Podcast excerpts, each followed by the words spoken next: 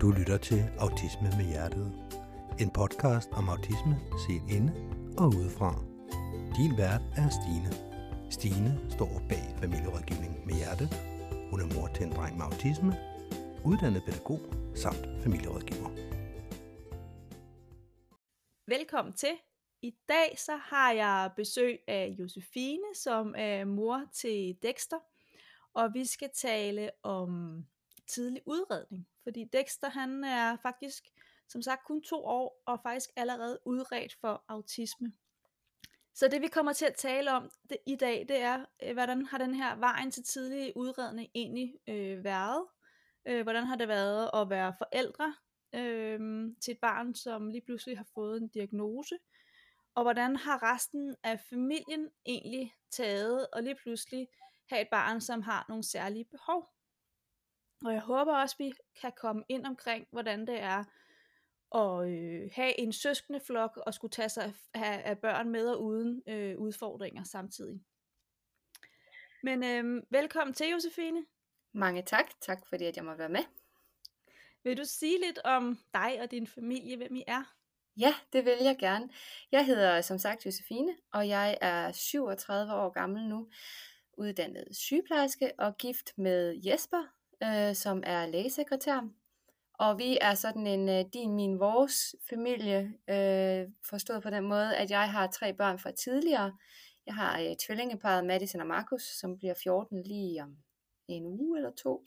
Så har jeg Sia, som er 9 år gammel, og så har vi fælles øh, barn Dexter, som er to år og syv måneder nu. Han er ja, fra, fra 20, februar 20.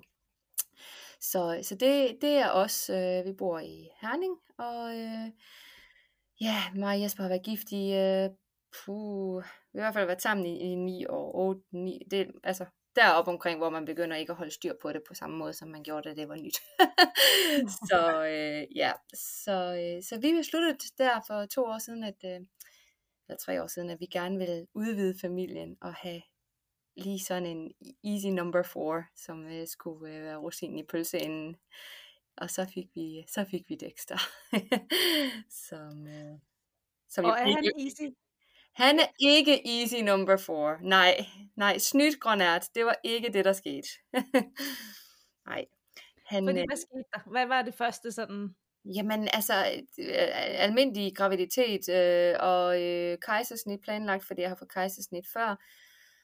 Og øh, han øh, er fin og stor og sund og rask, og der er ingenting. Og, øh, og faktisk sådan lige de første to uger, sådan en meget øh, mild baby.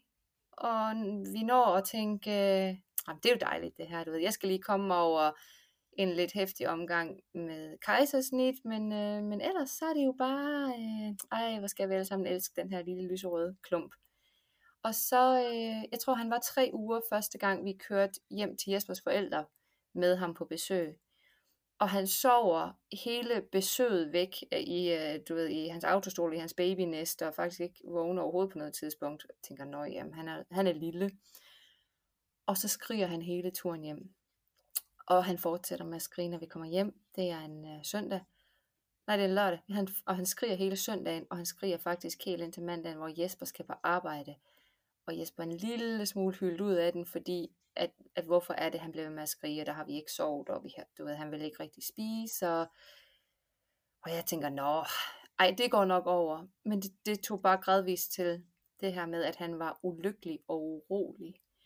Øh, så vi starter med alle de der grundting, man nu tjekker for. Øh, er han låst i kroppen? Han var til kiropraktor, og han fik noget babymassage og alle de her ting, man kan gøre. Vi tjekkede for forstoppelser, der var ikke noget der. Og så var vi inde og blive tjekket for reflux, og der var heller ikke rigtig noget, man kunne finde der. Men han var bare, han var bare ulykkelig. Det eneste tidspunkt, han sådan kunne falde til ro, var, hvis han lå på min brystkasse inde i et mørkt rum, uden nogen stimuli af nogen art andre folk kunne ikke holde ham, uden han blev fuldstændig altså flitsbu elektrisk, og øh, han kunne ikke ligge selv ret mange minutter ad gangen, uden han, han havde simpelthen bare behov for jo nærmest at kravle ind under huden på mig, følte jeg. Jeg var på hele tiden. Øhm, Og så, så kom sundhedsplejersken på besøg, og hun hmm, og, og kiggede lidt på ham, og hun synes også, at han var sådan grundlæggende sådan meget urolig og ked af det. Og, og han var så heller ikke ret gammel, da hun siger første gang, han er godt nok svær at få øjenkontakt med, var. Kan du sådan få øjenkontakt med ham? Og jeg blev sådan, jeg blev helt panisk og tænkte, jamen kan jeg det? det? Gud, det ved jeg ikke. Du ved, alle mine, jeg har tre børn i forvejen, og tænkte, jeg er god til det her, jeg er en god mor. Og det blev bare kastet ud af vinduet, så jeg brugte timer på at sidde med den her stakkels baby i min arm og forsøge at få øjenkontakt med ham. Jeg nærmest tvinge ham til at kigge på mig. Og, og, og jo mere jeg gjorde det, jo mere ulykkelig blev Dexter. Jo mere urolig blev han. Så vi, vi, altså det var en virkelig hård opstart der, og der var, der var bare ikke rigtig ro på på noget tidspunkt. Der var ikke noget fasthængende søvn, eller jeg, jeg var tvunget til at sidde ude i sofaen ret op og ned med ham det meste af natten, fordi det var der, han ligesom fandt bare en lille smule ro, og så skulle han rokkes. Han skulle simpelthen øh, rystes jo nærmest, det lyder voldsomt, men du ved, ligesom man gør med, med et spædbarn, der er ked af det, og så klappes på numsen, eller på kroppen som bare generelt. Det var som om han ikke kunne mærke sig selv. Han kunne simpelthen ikke finde ud af, hver gang man slap ham, så flagrede han, som om han slet ikke kunne finde ud af, hvor er jeg henne, hvor, du ved, hvad er det, der sker, og hvorfor, øh, hvorfor har jeg den her følelse. Så det var sådan lige de første to, tre måneder, der gik med det, og jeg orkede ikke at have besøg. Jesper orkede slet heller ikke at have besøg, og familiemedlemmer, der gerne ville komme og kigge på den her baby. Altså det blev bare, det blev bare meget hurtigt lukket ned for alting, og jeg blev med at tænke til mig selv, det, det er lige de første tre måneder. Hans storsøster siger på ni år, hun skreg de første tre måneder, og jeg tænkte, det skal vi bare lige, bare lige over det der, så bliver det godt. Så kan du se, så, så går det her væk. Øh, det gjorde det ikke. Nej. Nej. Fordi det med øjenkontakt, og ja, så allerede der var der måske et spædt tegn på, at der kunne være noget. Ja, han, han søgte os i hvert fald ikke på de der milepæle, som han skulle, hvor de skulle begynde at synes, at det var spændende at kigge på andre. Og hvis der var øjenkontakt, så var det flygtigt med mig. De andre havde ikke en kinamand chance, jo fordi han heller ikke havde lyst til, at de skulle røre ved ham. Altså, han var heller ikke sådan en digge digge baby. Han kunne ikke, han brød sig simpelthen ikke om det. Det, det var forbundet med ubehag for ham. Øh, alt det her. Øh, da han blev gammel nok til at skulle kigge på hans legetøj, det, det var han heller ikke interesseret i. Du ved, der var bare ikke den her, han havde bare lyst til at lægge ansigt ind mod mig, og bare blive rokket, altså sidde på en, du ved, sådan en gymnastikbold, og hoppe, hoppe, hoppe, hoppe, hoppe, hoppe. Det var der, han ligesom havde det bedst, så, så jeg tror, min arm kan gøre den der bevægelse jo nærmest, du ved, i søvne, for det virkelig, det var det eneste, der sådan var godt for Dexter. Ja. Ja, og så runder I tre måneder. Ja, det gør vi. Og jeg... Øh, ja, og der, det, altså den der magiske, du ved, så stopper han med at græde, den kom jo ligesom desværre ikke. Øh, og jeg er, jeg som sagt har jo tre ældre børn, så jeg ved, at jeg kunne bare mærke, og det kunne jeg faktisk meget, meget tidligt, jeg kunne mærke, at der var et eller andet her. Og jeg kunne ikke sådan lige sætte en finger på, hvad det et eller andet var. Jeg vidste bare, at det her, det er simpelthen ikke, det er ikke sådan, det skal være. Der er et eller andet her, jeg overser. Øh, der er et eller andet her, jeg ikke gør godt nok. Vi nåede jo at, at fyre vores, øh, jeg laver situationstegn, det kan man ikke se i en podcast, men at fyre vores øh, sundhedsplejerske, fordi jeg blev simpelthen så ked af det, hver gang hun havde været der, øh, og påpeget alle de her øh, fejl og mangler, der var. Jeg kunne, jeg, kunne, jeg kunne slet ikke rumme det, øh, jeg kunne slet ikke finde ud af at være øh, mor, som jeg synes, jeg skulle være, for lige pludselig var der, var der ingenting af det, som jeg troede, jeg kunne som dude. Så så øh, fik vi en ny sundhedsplejerske, og jeg øh, græd lidt til hende, og fik snakket med min egen læge, og kom via den vej ind på, øh, på børneafdelingen i Herning. Og det var med henblik på at få ham tjekket for silent reflux. Det var ligesom det, den gik på. Og de tjekkede ham, og kunne ikke rigtigt. de kunne ikke udelukke det, de kunne heller ikke sige, at det var der. Jeg bad dem tjekke stram tungebånd, og du ved, alle de her ting, der skulle bare, jeg skulle bare være sikker på, at han ikke havde ondt, og det ikke var der, den lå. Øh, og der havde vi jo så allerede, som sagt, havde sundhedsplejersken nævnt det der med øjenkontakt, men det havde, øh, det havde hende, der havde lavet, øh, hvad hedder det, ikke fysioterapi, men øh, hvad sagde han var til? Han var til... Reflux, eller hvad hedder det der? Nej, nej, hvad var det? gjorde? Ikke fys og ikke ergo og ikke øh, zone. Hvad hedder den sidste? Øh... Kranio? Nej. Nej, heller ikke kranio. Øhm, dem, der knækker knogler, kan man sige. Nej. Kiropraktor? Kiropraktor, ja. Kiropraktoren. Og hun, hun er er specialiseret inden for småbørn her i Herning, og meget, meget, meget, meget dygtig. Og hun nævnte det også på vores sidste besøg. Så siger hun, øh, han er godt nok, øh, han er ikke nem at, at sådan få et smil ud af, eller få øjenkontakt med. Og jeg tænkte bare, det var da sært, alle de mennesker, der skal kommentere på, hvad min baby ikke kan. Nu går vi hjem. Men igen, det, det var han ikke. Han havde ikke lyst til at kigge på hende. Hun kunne simpelthen ikke få ham til det.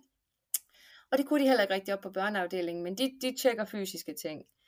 Og jeg sagde, men I kan, ikke sende os, I kan simpelthen ikke sende os hjem på den her måde, fordi vi er, vi er ved at, at løbe tør for energi her. Jeg ved ikke, hvad jeg skal gøre. Jeg, kan ikke, jeg har ikke været mor for mine andre børn i fire måneder nu snart. For jeg kommer ingen steder. Vi kan ikke gå nogen steder med ham, uden han skriger. Han vil ikke sove i en barnevogn. Han vil ikke øh, ligge i en seng eller en babynest eller noget som helst. Han er på mig 24 timer i døgnet. I er nødt til at hjælpe os. Så sagde de, jamen så kan I se vores fysioterapeut og ergoterapeut, og så kan de lave sådan en sensorisk profil på ham. Og den her ergoterapeut, hun, øh, eller fysioterapeut var det vist nok, hun sagde, efter hun havde lavet den, han bonger godt nok ud på rigtig mange ting. Han er godt nok meget, meget, meget sensibel på alle mulige måder. Og det tænkte jeg, jamen det, ja, men det er han vel, både på lyd og på lys og på ting, han skulle røre ved. Han strittede jo nærmest hver gang man lagde ham ned, for han kunne ikke lide at røre ved forskellige underlag, og han bankede hans fødder og hans hoved ned i gulvet for at kunne mærke sig selv. Og... Så hun sendte, hun spurgte, om hun måtte sende henvisning til Skype. Og, Og der var han fire måneder stadigvæk? der var han, ja, ja, de der ja, 4-5 måneder. Altså- februar, så marts, april, maj, juni. Det var juli, den blev sendt afsted. Så det, han var nok omkring de der 5 måneder, da den blev sendt afsted. Det var lige der i sommerferien. Og så sagde hun til os, I skal ikke forvente, at de vil se ham. Han er lille, og de ser ikke så små børn. Øh, men jeg synes, det er det eneste, jeg kan gøre for jer, for at hjælpe jer. Fordi jeg tænker faktisk, at det er noget, som psyk skal kigge på, og ikke os i somatikken. Og, øh, og det ser vi jer til. Og så fik vi en indkaldelse øh, allerede slut august, at de havde besluttet sig for at gerne vil se ham. Og hvordan var det, Josefine, at gå sådan en sommerferie der og, og tænke, altså, ja, hvad, hvad, hvordan havde I det? Men vi gik jo i en fuldstændig tog den sommerferie. Jeg var faktisk meget, øh, jeg, var, jeg var ret afklaret med, at der nok var et eller andet, og det var okay for mig. Øh, at jeg havde bare lyst, vi skulle bare vide, hvad det var, så jeg kunne hjælpe det. Det var der, jeg var. Jeg er sådan meget øh, løsningsorienteret. Jesper, han, øh, jeg tror, han fortrængte det lidt og tænkte, det, det passer ikke, at vi allerede nu skal til at igennem syg med vores lille bitte baby. Og så gik vi jo i den her boble af, at vi faktisk ikke kunne foretage os noget. Vi sendte vores store børn på ferie til mine forældre, uden os. De bor i Spanien, vi skulle have været afsted alle sammen. Men vi kunne ikke komme nogen steder. Altså vi kunne ikke, vi kunne ikke gå en tur i gågaden med ham i barnevogn, fordi han bare skreg og skreg og skreg og skreg og skreg. Øh, og den efterreaktion, der kom, hvis vi havde været ude og lave noget, det, den var jo enormt stor. Han kunne ikke ligge ude på græsset, selvom vejret var godt, du ved, som en lille sød buttet baby og, og undersøge græs. Han kunne slet ikke, han kunne ikke være, jeg sad inde i den sofa med ham, eller inde på gulvet med ham, i min arm, næsten 24 timer i døgnet. Så vi var bare i sådan et desperat øh, sted i vores liv, hvor jeg tænkte, der skal bare ske et eller andet, fordi vi er ved at drukne i det her. Jesper havde dårlig samvittighed ved at tage på arbejde, fordi så var jeg alene, og jeg havde dårlig samvittighed ved at sende beskeder, hvor der stod, du ved, nu kan jeg ikke mere, og kom hjem, og jamen, det, var, det er sådan en sommer, der man bare har lyst til lidt at glemme. Og, og også fordi, at, at grundlæggende så var Dexter bare ked af det, og urolig. Så I var, altså, som jeg hørte, max presset. Så det med at gå og tænke omkring, og er der, hvad er der i vejen med vores søn, det var egentlig, kunne være rart at få en, en løsning eller en forklaring på, hvorfor han var så utrøstelig på en eller anden måde, Ja. og så sensitiv over for, ja, Ja, nemlig. alt. Ja, altså jeg havde jo læst om alt det, der hed særlig sensitiv. Og der var jo nogle ting, men det passede alligevel ikke helt på ham. Og så, var, så er der noget, der hedder signalstærk, som der også har skrevet nogle bøger om. Og dem, jeg, jeg, du ved, jeg har brug for at vide ting. Øh, så jeg læste alt. Jeg læste alt, hvad jeg kom i nærheden af. Han, og han begyndte også på det tidspunkt med hans første stemming. Vi vidste faktisk ikke, hvad det var. Men begyndte han at lave sådan noget stemming med hans ansigt, hvor han sådan kaster hovedet tilbage, kigger op mod lyset og kniber hans øjne og hans ansigt sådan sammen. Og det gør han sådan gentagende gange.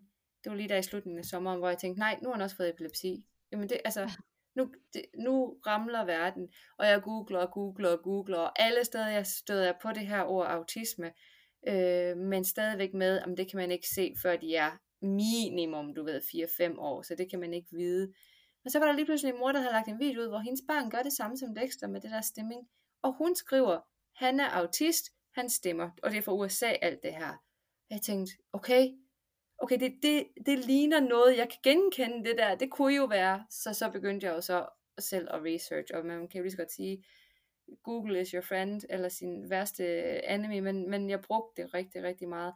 Så jeg var nok der, hvor jeg tænkte, jeg tror, det er den vej, det kommer til at gå, og Jesper var sådan lidt, det er det ikke, det, det, det er det ikke, nej. Så vi var sådan lidt splittet, da vi skulle første gang der til Skype i oktober. Ja, ja til, til samtale vel, eller hvad? Eller ja, hvordan foregår ja. det, når han er så lille? Fordi han var jo altså, meget, meget lille. Han var mega lille, og stadigvæk øh, øh, flaskebarn. Vi var stoppet med at amme, for at se, om øh, det kunne aflaste mig lidt med, at han kunne få flaske, så andre folk kunne give ham men han ville ikke spise for andre folk, og han, der var vi også begyndt så småt med grød og sådan nogle ting, og det ville han slet heller ikke. Altså, han kunne slet ikke have de der konsistenser i hans mund, man kunne se, at det voksede i hans mund, og han fik brækrefleks, hver gang han fik en ske i munden. Og... Så vi kom til Skyby der i oktober med en, øh, med en Dexter, som jo var, som han var, eller ked af det, og så var han en, en stor, stor, stor baby, fordi han jo levede af modermælkserstatning i store mængder, altså virkelig. Øhm, og det de kaldte det, det var jo øh, sådan noget gennemgribende udviklingsforstyrrelse, uspecificeret. Det er det, den, de sætter på lige i starten og så spisetræning. Øhm, og de sagde jo meget tidligt, vi er ikke ude i, at det er en autisme-diagnose. Vi, det kan også bare være noget mistrivsel, som vi ligesom kan hjælpe med. Så jeg tror ikke rigtig, de vidste, hvad det var. Og, og de sagde også til os, vi har, vi har ikke haft en i den alder før. Øh, men nu, øh, nu hjælper vi jer i hvert fald med den her socialpædagog, som kan hjælpe med at spisetræning. Og så var der jo så psykiateren, som var inde over. Øh, og så tror jeg, at de havde tænkt, at øh, jamen, så, så, øh, du ved, så må vi give dem den hjælp, de, de kan, og så må vi jo se dem igen, når han er ældre. Og jeg lagde alle kortene på bordet og sagde, jeg tror, jeg tror det er autisme, det er min mavefornemmelse, og fik at vide, ej, men nu, nu skulle jeg lige klare pesten. Altså, det kunne man jo ikke vide. jeg får sådan en fornemmelse af, at, eller sådan en, den følelse sidder jeg i hvert fald med, at, at blev jo også lidt mistænkeligt gjort for, om I egentlig kunne finde ud af at være mor og far? Eller er det bare mig, der får den mavefornemmelse? Nej, det, det blev faktisk nævnt af den første sundhedsplejerske, som jeg, vi ligesom øh, stoppede med at få. Hun sagde til mig på et tidspunkt, men han er jo nummer fire, så man kan, altså, du har jo nok ikke tid til at sidde og, øh, og gøre alle de rigtige ting, som man jo skal for at danne det her øjenkontakt og de her vigtige ting fra starten.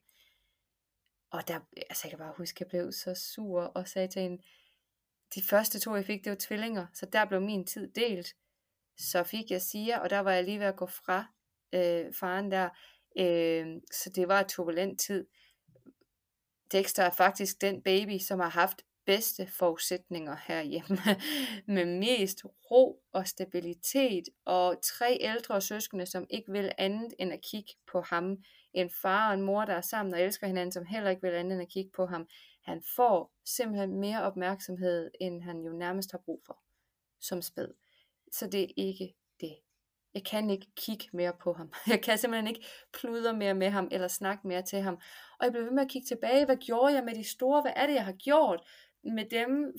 Som, fordi de bare, du ved, de gjorde jo bare, som de skulle. Og siger, hun hun, øh, fuh, det er sådan lidt, hun er ikke udredt, men hun ligger helt sikkert også og roder rundt et eller andet sted på det her dejlige spektrum. Men hun var indadvendt, og hun var bare, du ved, hun var sådan en, der jagtog og var meget stille og rolig. Så hun var en nem baby. Der var ikke noget, der sådan triggerede, at man skulle tænke, ja, det var først, da hun blev ældre og begyndte at tale og sådan nogle ting, man, man tænkte over det. Men, men så jeg, jeg tænkte bare, hvad er det, jeg gjorde med dem, som jeg ikke gør med ham? Jeg kan ikke forstå det og, og det blev vi mødt med mange steder, det der med, at nu skulle jeg ikke, du ved, Og det var nok også bare, fordi jeg gerne ville have en diagnose på. Og jeg tænkte, ja, men det lyder da helt vildt fedt. Det vil jeg da vildt gerne. Lad os da endelig gøre det, så hele vores familieliv og hele vores liv bliver rykket op med råd. Øh, alt det vi kendte, det bliver kastet fuldstændig til højre, og vi skal starte en ny tilværelse.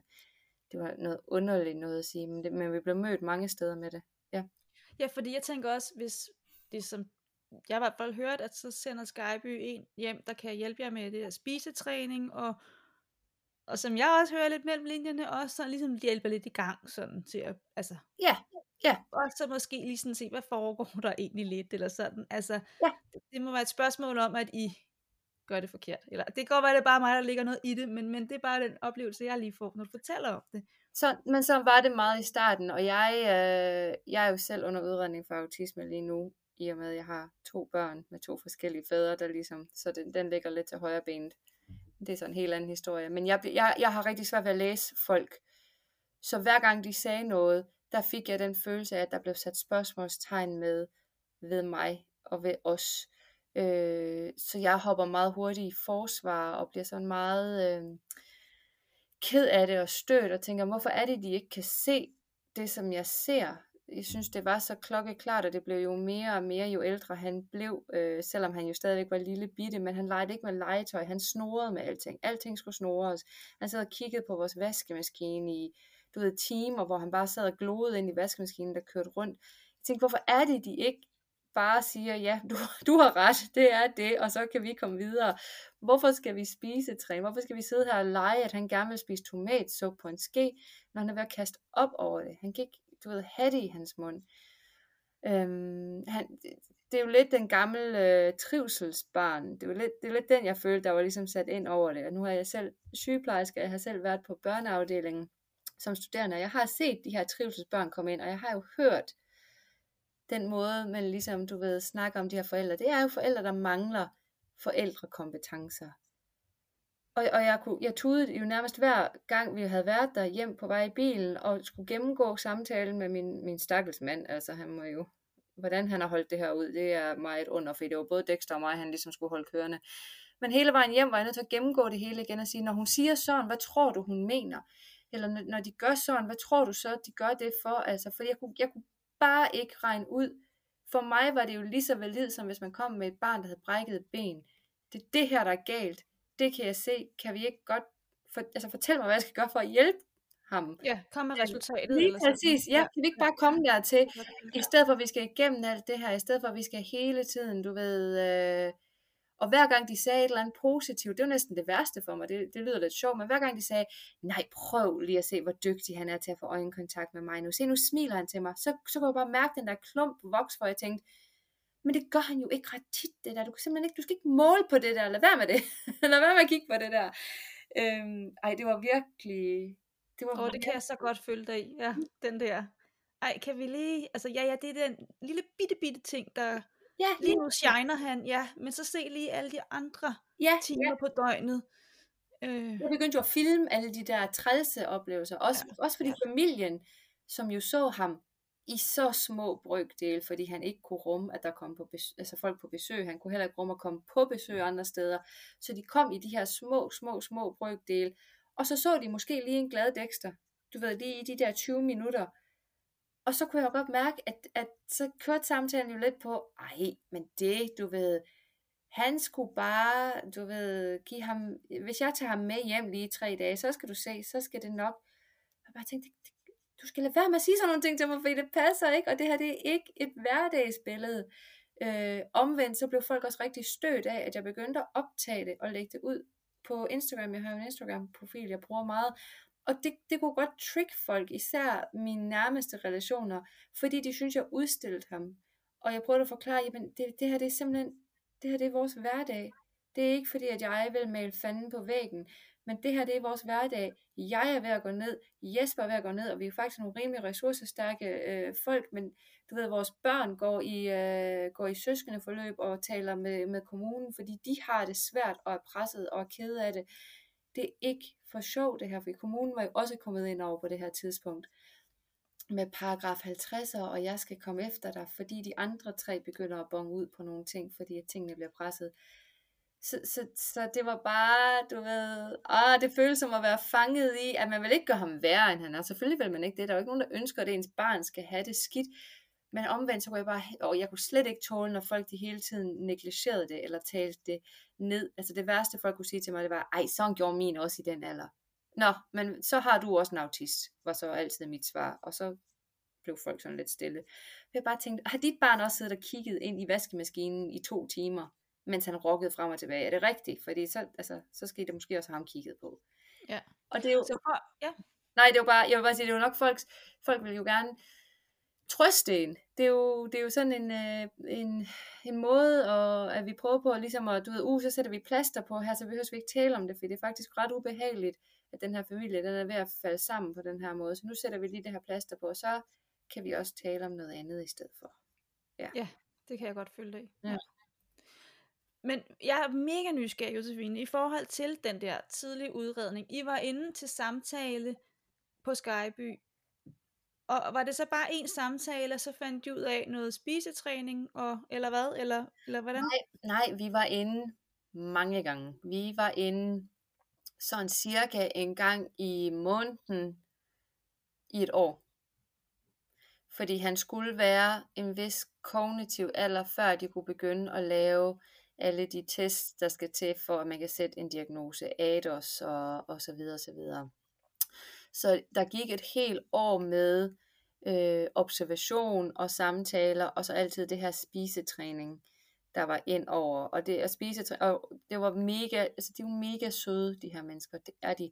Og spisetræning foregik sådan, at øh, de kom med alle mulige små forskellige ting, og så skulle den her socialpædagog lære mig, hvordan jeg skulle give mit barn mad. Øh, og det, det fik hun ikke ret meget helt ud af, det kan jeg lige så godt sige. Fordi Dexter, han var ikke interesseret i det der. Og jeg har forsøgt at forklare hende, men det, det er ikke et spørgsmål om, at jeg ikke kan finde ud af at give mit barn mad. Det er et spørgsmål om, at jeg kan ikke finde ud af, hvad det er, hans munds tekstur ligesom kan, du ved, hvad han kan klare teksturmæssigt, og hvad han ikke laver opkastlyde af. Han er nemlig også meget duftsensitiv. Så, øh, så det kan godt være, at han godt kan lide smagen af makrel, men du får det aldrig tæt nok på hans mund, fordi det dufter, som det gør. Du ved, der er så mange nuancer i det, og det vidste jeg jo, fordi jeg gik i det dag ind og dag ud.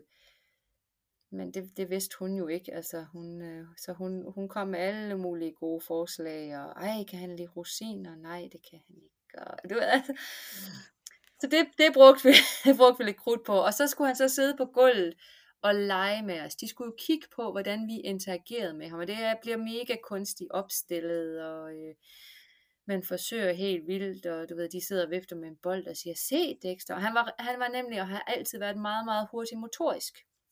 Han gik, da han var 10 måneder. Så, så der var han jo, der shinede han jo helt vildt på de her ting, han kunne.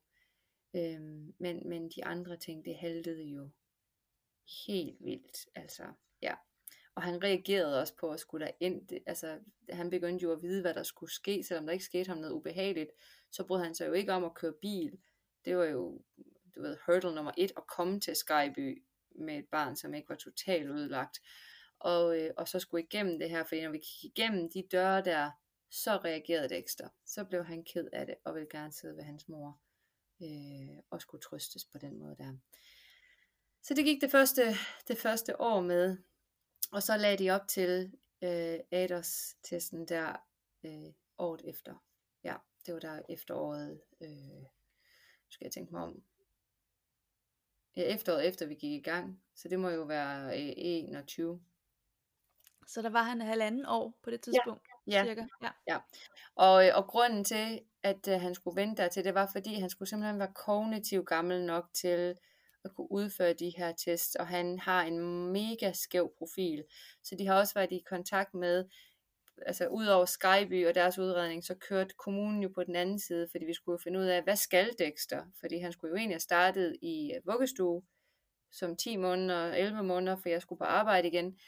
Øh, og det kunne han ikke det sagde jeg bare, at han kommer ikke, han, det kommer han ikke. Så må vi finde en dagplejemor. Og der øh, kom øh, småbørnsvejlederen ud og besøgte os og kiggede på ham og snakkede med mig. Og hun havde også nogle tests med og nogle ting. Og der måtte hun jo så melde tilbage, men vi kan heller ikke sende ham ud i dagplejen, fordi vi har ikke nogen dagplejer, der kan varetage hans behov. Nå, tænkte jeg så, altså, hvad så? Så siger hun, jamen, øh, så må vi begynde at kigge på specialinstitution. Og det, det var faktisk også, øh, det, altså det var både en lettelse, men det var også hårdt ligesom at høre, fordi jeg havde tænkt, du ved, worst case scenario, så skal han ud i en, en dagpleje, måske en privat dagpleje, der kun har tre eller fire børn, hvad ved jeg. Men det blev han simpelthen vurderet til, at det kunne, det kunne han ikke, det kunne de ikke varetage. Så de begyndte at snakke specialinstitutioner, der kom jo folk fra kommunen og holdt møder og skriver og hvad ved jeg, du ved. Og det bliver så kørt i stilling, så han starter der øh, lige efter hans første fødselsdag. Skal jeg køre ham ind der sidestillet med, at vi kører til Skyby og er stadigvæk i gang med alt det andet der. Så så begynder de jo også at snakke sammen. Der bliver lavet en, en DPU, så en dansk pædagogisk undersøgelse på ham, og den sender de til Skyby, og du ved, de sender frem og tilbage. Så det var først, da han var halvanden, da man vurderede, at han var ved at være der kognitiv, hvor man kunne lave nogle af de her undersøgelser for at se, om, øh, om der var tale om autisme. Før det var. Men hvor er du henne? Fordi du skulle tilbage på arbejde. Ja, altså jeg blev jo købt fri på det, der hedder tabt arbejdsfortjeneste, og aftalen hedder jo, det skal jeg jo bare lige gå på, lige indtil vi får Dexter kørt ind. Altså, når han er færdigudredt, og så finde ud af, hvor han skal gå hen, eller hvad? Nej, fordi han havde allerede pladsen, før han var færdigudredt. Man skal simpelthen ikke have en diagnose for at komme ind på special, ja. Og de, og de vidste, at det var jo ligesom der, han skulle være, om ikke andet, så i hvert fald i starten. Så, så han får den her plads, øh, starter i marts, lige efter hans første fødselsdag, og så skal jeg bare lige køre ham ind. Ja. Og så siger Jesper, hvor lang tid tog det med de tre store? Og jeg tænker tilbage, jeg tænker, puh, havde jeg en tre dage fri, eller sådan eller andet, det kan jeg ikke rigtig huske. Jeg tror, det er der omkring. Nå, siger han, jamen, så, så er du nok på arbejde. Jeg snakker jo løbende med min arbejdsplads og siger, ej, når vi kommer til sommerferien, så kan I godt regne med mig. Det kan I ikke. det tog bare, og han er jo stadigvæk ikke 100% kørt ind. Altså, det er jo der, vi er, ikke også? Øh, realitet set i øjnene. Men han, det er seks, seks måneder, sådan ungefær, de første tre måneder sad jeg inde på den stue med Dexter på mit skød. Og vi startede med at være der 20 minutter, kvarter 20 minutter, og så op til en halv time, og så videre, og så videre. Så, så efter de der to-tre måneder, så trak jeg mig ud i køkkenet, og sad og drak en kop kaffe, og så kom jeg tilbage, du ved. Så det var bare, det var så små skridt. Og hver gang man gør noget med Dexter, så udløser det sådan en helt kædereaktion af, og han, han griber jo til det, han kan styre, og det er ikke at sove, og ikke at spise. Og så græde rigtig meget. Øhm, så, så det er jo der, vi hele tiden bliver skubbet tilbage til, hvis vi, hvis vi bevæger os for hurtigt. Og han var jo heller ikke en dreng, der kunne sove i en barnevogn. Han sov jo alle hans lurer i min arm, mens jeg rokkede ham, og der kørte white noise i baggrunden for at uddøde døve lyde, og altså det var cirkus. Og prøve at forklare dem derude, jamen han kan ikke, han sover ikke i barnevogn, og ja, mm. Så, øh, så da vi så kom lidt længere hen, så var det jo så den her barnevogn ligesom blev introduceret, og så skulle vi forsøge med det. Og det sparkede ham fuldstændig tilbage til nul. De, de, altså vi prøvede en uge, og der var vi simpelthen, der var jeg nødt til at, at sige grædende til dem, nu, nu er vi nødt til at trække det helt tilbage til start, fordi at, øh, at vi kan ikke holde til, at han har det sådan her derhjemme. Han, ligger og banker hovedet ned i gulvet, han øh, sover overhovedet ikke mere, han spiser ikke, altså vi kan ingenting. Så, så det, var, det var meget langsom fremgang. Så den her tabte arbejdsfortjeneste, den blev jo hele tiden trukket og trukket og trukket. Og jeg har havde verdens bedste arbejdsplads og, og chef, som var villig til at strække sig helt vildt langt. Men da vi, da vi nåede et vist punkt, og jeg sagde til hende, jeg kan stadigvæk ikke fortælle dig, hvor lang tid der går. Og I kan ikke bruge de to timer, jeg har, til noget som helst. Så måtte vi jo ligesom sige, jamen så, så var det det for den her gang. Så må vi jo se, når jeg er færdig. Så jeg går jo stadigvæk på tabt arbejdsfortjeneste. Ja. Fordi Dexter han øh, fortsat sover rigtig, rigtig, rigtig dårligt. Langt de fleste, altså de fleste nætter er roderi og op og ned og frem og tilbage. Han ligger jo stadigvæk klods op og ned af mig. Og, øh, og så er han afsted hver dag. Nej, det er løgn. Han er afsted fire dage i ugen fra klokken 7.30 til klokken 11 i øh, specialinstitution i Aulum. Og jeg kører ham frem og tilbage. Så jeg har lige et par timer, hvor jeg indhenter noget søvn. Eller, du ved, ja. Ja, prøv at være dig selv. Ja, bare sidde og kigge ud af vinduet i stillhed, det er også rigtig rart. Øhm, ellers så, øh, så er jeg jo på ham, så han jo, ja. Har I et godt samarbejde med, med, med børnehaven? Altså i forhold til, forstår de godt, at hvis de kommer til at skrue for meget op, eller pille ved noget, eller ændre noget, jamen så har I jo konsekvensen derhjemme. Ja, altså vi har været enormt heldige. Det var faktisk et tilfælde, at vi øh, kom til Aulum, som jo ikke lige ligger rundt om hjørnet. Det er sådan 16 km øh, nordpå fra, fra Herning mod Høstebro. Og jeg kan huske, at da de sagde, at vi tilbyder en plads ude i Aulum, jeg tænkte, ej, men det er så bare prikken over i det. Thank you very much. Altså, kunne vi ikke have fået en af de institutioner, der ligger inde i Herning? Det er jeg virkelig glad for, at vi ikke gjorde. Ikke fordi jeg kender de institutioner, så jeg kan ikke sige noget negativt om dem. Men jeg har det rigtig godt derude. Dexter har det rigtig godt derude. Det er super, super søde, kompetente personale, som, øh, som er nysgerrige på Dexter. De er nysgerrige på at lære og høre om, hvad vi siger, og hvad vi sådan kan gengive. Og, og de øh, gør aldrig noget, uden at vi ligesom har snakket om det først. Altså, det er helt vildt fantastisk, det samarbejde, vi har der. Og han rykker sig på nogle punkter, altså, og det er deres fortjeneste helt klart derude. Så, øhm, så nej, der, der, det kunne de aldrig drømme om at gøre. De er jo også med, når vi skal snakke med kommunen og sådan noget om tabt arbejdsfortjeneste og fremtidsplaner. Og der har vi altid snakket først om, jamen, hvordan er det derhjemme lige nu? Hvordan ser det ud for jer? Altså, hvad giver mening? Fordi de ved jo også godt, de har jo Dexter i de der tre gode timer om formiddagen, han har, hvor han er allerbedst. Og så har vi resten.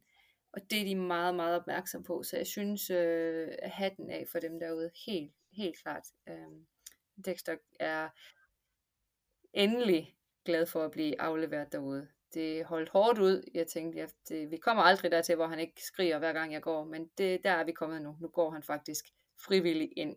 Så det tog også. Ja, ja, det tog også kun uh, halvanden år, har jeg lyst til at sige. Ej, det tog virkelig lang tid, ah, men det var helt åndssvagt. Men nu er vi der.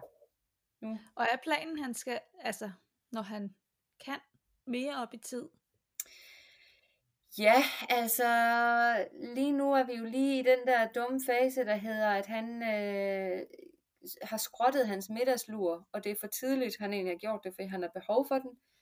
Men han har jo alle dage sovet alt, alt, alt for lidt. Han får simpelthen ikke nok søvn, øh, til trods for, at han får melatonin-tabletter til nat, så, så sover han jo ikke de timer, han skal, eller har aldrig gjort. Øhm, og nu er han så, den nye fidus, det er, at han ikke vil have den der middagslur men så har han brug for rigtig mange pauser. Og når Dexter holder pause, så er det inde i soveværelset med slukket lys og nedrullede gardiner og bare ingen stimuli. Og så skal jeg være der, og vi skal sidde tæt. Og det kan han ikke undvære. Så de vil, altså, jeg vil sagtens kunne vente med at hente ham til klokken 2, men de får ikke noget ud af ham fra klokken 11 til klokken 2, udover en ked af det, urolig, ulykkelig dreng, og så kommer det til at give bags, altså du ved, det kommer til at ødelægge resten af vores dag derhjemme. Så lige nu kan jeg ikke se, at vi skal rykke med det. Altså, det, det giver ingen mening for Dexter. Han er endelig et sted, hvor han er glad for at komme derud. Og han har så, så skæv en profil, og så mange færdigheder, han mangler at blive god til. Dexter kan ikke spise selv endnu, for eksempel. Han holder ikke ved en ske og en gaffel ret tit, øh, og bestemt ikke uden, at man opfordrer ham ret kraftigt til det. Han drikker ikke ret stabilt af en kop. Han hjælper ikke til med at tage trøje og sko. Du alle de her børnehaveting, som man skal kunne kunne, når man er den alder, hvis man tænker på, hvad du ved, almenen gør, når de kommer i børnehave. Det gør han jo ikke i. Han, han bruger hans krudt på nogle andre ting. Han kan nogle helt fantastiske ting, men det er ikke normale hverdagsfærdigheder. Og håbet er, at nu der er så meget ro på, på ham i de timer, han er der, at vi kan begynde at bygge lige så stille på dem her. Og jeg er bange for, at hvis vi piller ved tiden, så mister vi det der, så taber vi det, og så skal vi til at starte igen på at skabe roen. Og så mister vi det der window of opportunity, hvor hans hjerne er plastisk nok til at kan, kan lære de her ting. Og det er jo, det er jo ikke færdigheder, som øh, man kan undvære. Altså han skal jo være et fungerende menneske resten af hans liv, så skal man også kunne tage sin egen sko på. Altså du ved, på, på et eller andet plan, så, så er vi jo, for han, han har jo mobiliteten til det. Han har bare behov for rigtig meget ro og gentagelse og struktur. Så nej, lige nu, der, øh, der skal der ikke pilles ved det. Og det, det holder vi jo mange møder om. Det, man, det kan man jo ikke komme ud om, når det er kommunen, der ligesom styrer ens liv på den måde. Øhm, men jeg, jeg er meget, øh, jeg sætter mig meget ind i tingene. Jeg har et rigtig godt samarbejde med børnehaven, og så har vi også nogle timer i Herning Kommune, hvor vi snakker med, øh, jeg ved ikke, om hun er autismekonsulent, men hun er i hvert fald familierådgiver med speciale inden for autisme, og hun bakker os også op i det her. Så jeg samler øh, alt til huse, hver gang jeg skal ind og snakke med en socialrådgiver, så jeg kan lægge det på bordet og sige, sådan her ser det ud. Øh, ja. ja. I laver hele tiden det her øh, energiregnskab, altså hvor meget kan han holde til, og hvad er hans stress, og hele tiden prøve at holde ham så, så stabil som overhovedet muligt. Ja, og det har vi altid, altid gjort. Ja. Ja. Og det, og det er et kæmpe puslespil og et kæmpe arbejde, også fordi at Dexter ikke kan give udtryk for, man kan have en dag, som går helt vildt godt, og så bruger mig og Jesper alt for meget krudt om aftenen på at sidde og grænske i, hvad har vi gjort i dag, som gjorde, at det var en mega god dag.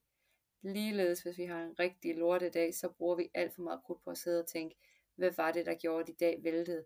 Og der er ikke, typisk er der ikke rigtig nogen gode svar på, hvorfor det er. Det kan godt være, at han har været øh, rigtig glad for at være sammen med farmor og farfar en lørdag. Han elsker hans farmor og farfar. Og så kommer reaktionen om tirsdagen. Jeg kan ikke regne det ud. Jeg kan ikke altid sige med sikkerhed. Jeg kan næsten altid sige, okay, vi skal ikke i Legoland. Altså, du ved, den er ligesom, den er givet til højre ben. Men jeg kan ikke altid sige, om det bliver en fiasko, at vi kører øh, til familiefødselsdag ved farmor, eller om det ikke gør. Det kan simpelthen ikke regne ud på forhånd. Så man er hele tiden tre skridt foran, man prøver hele tiden at helgardere alting, og have en plan fra A til Z, og øh, hvad nu hvis, og hvem kører hjem, hvis det går galt, og hvad gør vi så, og det er jo et enormt stort puslespil at arbejde for mig og Jesper og skal ligge, for at man måske kan have et par gode timer. Og så ser dem, man er sammen med, de ser jo de gode timer, og tænker, men det går da meget godt det der de ser jo ikke alt det arbejde, der er gået forud for det, og alt det arbejde, der ligger efter det. Det er jo der, ja, ikke mindst. Ja, lige præcis. Det er jo der, det trækker tænder ud. Det er jo der, ja. det er svært at forklare folk. Ja, men nu har jeg så en hel nat med et barn, som ikke sover. Ja. Ja, så... Og hvis vi er rigtig heldige, nu er det mig, der... Øh, ja. der så, øh, ja, så, så strækker det så også ind i ugen efter. Altså, der kommer ja. ikke... Jo, øhm, lige det. Og så kan vi jo mærke det mandag morgen. Nej, du skal i børnehave i dag, Dexter. Nej, siger han så. Nej, nej, nej, nej, nej, nej. Nå, men så ved man jo ligesom, fedt. Så kan jeg så aflevere et ked af det barn, fordi at han var faktisk ikke lige helt færdig med at reagere på, på det, der vi lavede lørdag formiddag. Så nu, øh, du ved, nu afleverer jeg et barn, der ikke har fået morgenmad, der ikke har fået sovet ordentligt, og faktisk ikke rigtig vil være her. Hmm, fedt. Men ligeledes, hvis jeg holder ham hjemme, så strækker det jo bare til tirsdag. Altså, der skal jo, det er jo det der med, hvornår, hvornår skal man skubbe lidt, hvornår skal man holde tilbage, hvornår skal man skærme, hvornår skal man ligesom eksponere for noget, det bruger vi også meget godt på at snakke om. Skal vi prøve at tage i Havnstrup, han elsker dyr, altså du ved, skal vi tage ud og kigge på nogle dyr, hvad er, du ved, cost-benefit af det her, hvad, hvad, er det godt givet ud, er det ikke, ah, men det er jo simpelthen, det er jo et evighedsarbejde, hele tiden, ja, ja. det er det. Ja. Ja, og det er jo det, som når man som forælder selv har prøvet det, så ved man jo præcis, hvad du taler om. Men som du også siger, udefra set, så er det så svært at, at se, men hvorfor kan I ikke bare prøve nu? Altså, ja. giv det nu en chance. Han, han er da glad for dyr, så går der, kom der ud og se de dyr. Ja, ja, lige præcis. Øh, ja. Og bliver der en time længere, eller en halv time længere, eller et eller andet. Nu var I allerede hjem. Ja, eller ej, prøv nu, du skal jo ikke stoppe ham lige nu. Nu hygger han sig jo rigtig, rigtig meget. Mm. Så derfor stopper jeg det nu, fordi om en halv time, så crasher han. Og så kan vi ikke hente det hjem. Altså, jeg er nødt til at stoppe, mens lejen er god. Den der gamle, du ved, saying, stop, mens lejen er god, den får virkelig ny betydning, når man har et barn, et barn med neurodiversitet, fordi at det skal man, det bliver man simpelthen nødt til. Man er nødt til at være den der bussemand, der siger, jeg kan godt se, at det er hyggeligt at blæse sæbebobler sammen med faster og onkel. Nu er vi nødt til at stoppe fordi lige om et øjeblik, så bliver du overstimuleret, og så kan vi ikke, øh, så kan vi ikke redde den, altså, så er resten af dagen ødelagt. Så nu skal du lige ind med mor og have en pause inde i et mørkt rum. Og folk kigger på mig og tænker, okay, altså du er virkelig streng. Jeg er virkelig overpylet, mor. Ja, virkelig, ikke? Også hele tiden. Og jeg har jo øjne på ham hele tiden. Det der med at slappe af, og det har Jesper også. Man slapper ikke af. Det er lige meget, hvor vi er. Man slapper ikke af. Man, man ånder ikke ud og tænker, at det er der nogle andre, der lige hjælper ham med. Man er der hele tiden. Dexter, han bruger også meget øh, ekosprog, sådan ekolalia. Og når han siger et ord, han taler jo øh, mest engelsk, når han siger noget, så vil han have, at man skal gentage det. Så når han siger, it's an elephant, så skal man sige, it's an elephant. Og det ved, hvor skulle folk vide det fra? Altså helt ærligt, det er jo ikke normalt øh, kutume, vel? Så jeg er der jo hele tiden, og folk de er sådan lidt, jamen, prøv nu bare lige at lade ham sidde og lege selv.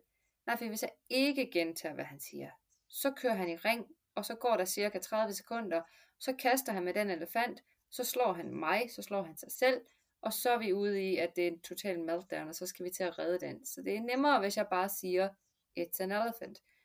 Og, øh, og det vil også være dejligt, hvis du siger det, når han henvender sig til dig, fordi så undgår vi, du ved, vi undgår de her spidse øh, problematikker, hvor det hele bare går galt. Men, men, men ja, jeg kan godt se, altså en gang imellem, når jeg træder ud af min lille boble, øh, og kigger ind på vores liv, så kan jeg godt se, at man tænker, okay, men de, de er jo kugleskøre. Altså, det er jo simpelthen, de er jo ikke normalt, det de har gang i der, og det er det ikke. Øh, men når man lever i det, så er det jo, så er det jo det, man gør, for at få hverdagen til at køre. Ja, for I gør, I gør jo det, der virker. Ja, ja. Altså, ja. det, altså, I, ja, det er skørt at gentage, hvad han siger. Ja, det er, der er muligvis, det ser tårligt ud, at I, du bryder ind i en god leg, øh, for så at give ham en pause ind i et mørkt rum, altså bare med dig og ham. Ja. Men, men du gør det jo, fordi du ved, hvis ikke du gør det, så har det en konsekvens. Fuldstændig. Som ikke bare kan lukkes ned med, her får du en is, og så er vi ja, videre. Nej, nej, ja, nej, nej. Og, og mad har jo desværre aldrig været noget, man sådan kan lokke Nej, ikke med, så han er jo slet ikke madglad. Altså, der er jo ikke ret meget, man sådan kan, kan gøre for at lokke ham en anden vej. Øh, hvor, hvorfor skal han have lov til at sidde i gyngen øh, altid? Altså, hvorfor, hvorfor, hvis vi kommer på legepladsen og sidder en anden i gyngen, er vi nødt til at gå hjem med det samme igen? Jamen, det er vi, fordi det kan han ikke rumme. Fordi at det, i hans systemverden, der skal han sidde i gyngen som det første på legepladsen. Når han er siddet i gyngen, så skal han på vippen. Når han er siddet på vippen, så skal han gå på balancebommen, og så skal vi hjem igen. Og hvis ikke han kan gøre det i den rækkefølge, så vælter hans verden fuldstændig. Og jeg vil ikke være den der forældre, der beder de andre om at tage deres barn ud af gyngen, vel, det virker også sådan lidt overdrevet. Men omvendt, så kan jeg simpelthen ikke overskue og skal stå dernede og rock med ham, mens han skriger og sparker og, øh, og slår mig og sig selv og prøve at forklare ham, at nu er det altså lige lille Sofie, der sidder og gynger. Det må du forstå, Dexter. Men det kan han ikke. Det kan han ikke forstå. Det Nej, det giver ikke mening for Dexter. Han kan ikke vente i en kø og alle de her, du ved. Det giver bare ikke mening for ham.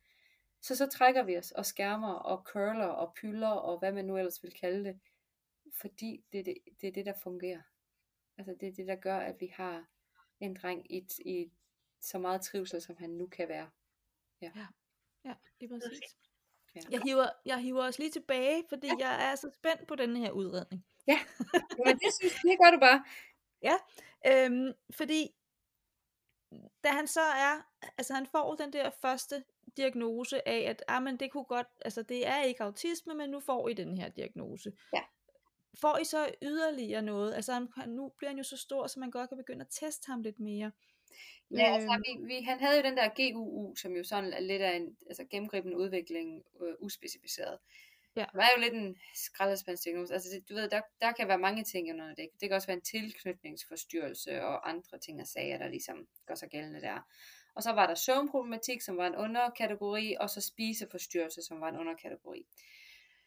Så da, han, øh, da vi ramte øh, efter sommerferien der i 21, gik de så i gang med den her plan for øh, autismeudredning. Så det var en ADOS øh, toddler test, og så var det to gange, vi skulle ses af, øh, jeg ved faktisk ikke, hvad hun var, men det var ikke en ADOS, men også noget med noget legetøj, der bliver stillet op, og nogle nogle tests, der skal udføres. Det er jo nok også med hensyn til IQ, og øh, om der kunne være noget retardering ind over og sådan nogle ting.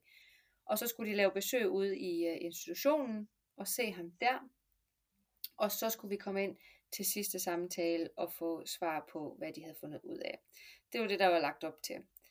Så vi var inde til de første to øh, undersøgelser. Øh, at det var en halvanden time, de havde sat af, hvor jeg tænkte, det, dele mig optimistisk. ja, det, og, og det var en, vi ikke jeg ikke kendte. Så jeg kommer ind med Dexter, og hun finder hendes kuffert med alle mulige fine ting frem, og, øh, og Dex, hver gang hun giver Dexter et eller andet, så snor han med det. Det var meget det, han gjorde øh, lige i den periode. Han kunne godt lide, at ting drejede rundt. Og så kunne han godt lide sådan at kigge på det. Så lagde han sig sådan helt ned og kiggede på det på sådan en helt bestemt vinkel. Øhm, og hun ville gerne, at han skulle... Øh, hun fandt et badekar en duk frem, så skulle han give babyen et bad, og altså, han jo ikke engang kiggede på det her. Og hver gang hun forsøgte at tage noget fra ham, som han havde ligesom lige synes var spændende, så, så var han jo, så reagerede han jo på det. Og hun kunne ikke lokke ham med, hun forsøgte jo med Smarties og alt muligt andet, og ligesom skulle lokke ham til, og det kunne hun have heller ikke. Altså han var ikke ret samarbejdsvillig, kan man sige, øh, til den undersøgelse der. Og jeg skulle, jeg, jeg skulle jo ikke blande mig vel. Jeg skulle jo bare sidde lige så stille ved siden af og tænke, ah, okay, det er bare ikke godt det her. Og så lige før vi var færdige, så vender han sig om og får øje på, at der er en whiteboard, mm, hvor der står jo en hel masse ting på, øh, og så begynder han at ramme de bogstaver op på engelsk. Og så stopper hun op og bliver sådan helt, kan han alfabetet? Øh, ja, siger jeg så, det kan han godt. Men altså, hvis jeg skriver bogstav der, kan han så fortælle mig, hvad bogstav der? Ja, jeg siger det. Det kan han godt. Han var de der halvanden. Okay, men... Og det er på engelsk? Ja, jeg siger han vil, han vil helst på engelsk. Der talte han jo heller ikke ret meget. Han var faktisk sådan rimelig nonverbal, hvis ikke det var sådan noget, han ramsede. Så jamen, det kan, det kan han altså godt. Så det brugte hun lige lidt tid på, og skrev og skrev og skrev på den her blog, og jeg kunne bare se, at hun var sådan helt okay, det, det havde hun ikke lige regnet med. Og så skulle vi ind og gøre det en gang til, nogenlunde samme scenarie med nogle, nogle nye ting, du ved. Uh, kunne han sidde og kigge i en bog? Kunne han bladre siden? Øh, nej, det kunne han ikke, fordi han var tæske ligeglad med den bog.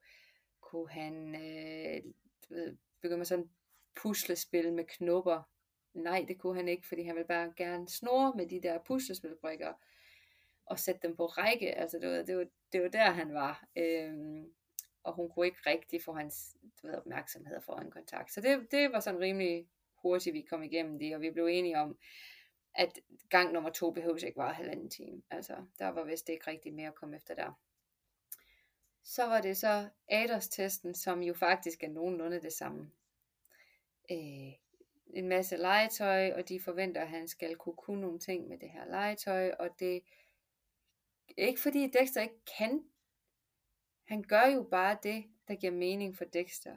Og det giver ikke mening for Dexter, at, øh, at dukken skal have et bad, eller at øh, bilerne skal køres med, som om man leger, at det, du ved, at man skal lave en billyd og sådan noget. For det er jo ikke, altså han kunne godt lide ting, der skulle stå på række, og han kunne godt lide ting, der kunne snurre rundt, og, og det var egentlig det. Og så var, han, og så var han jo hele tiden i gang, han var hele tiden i bevægelse.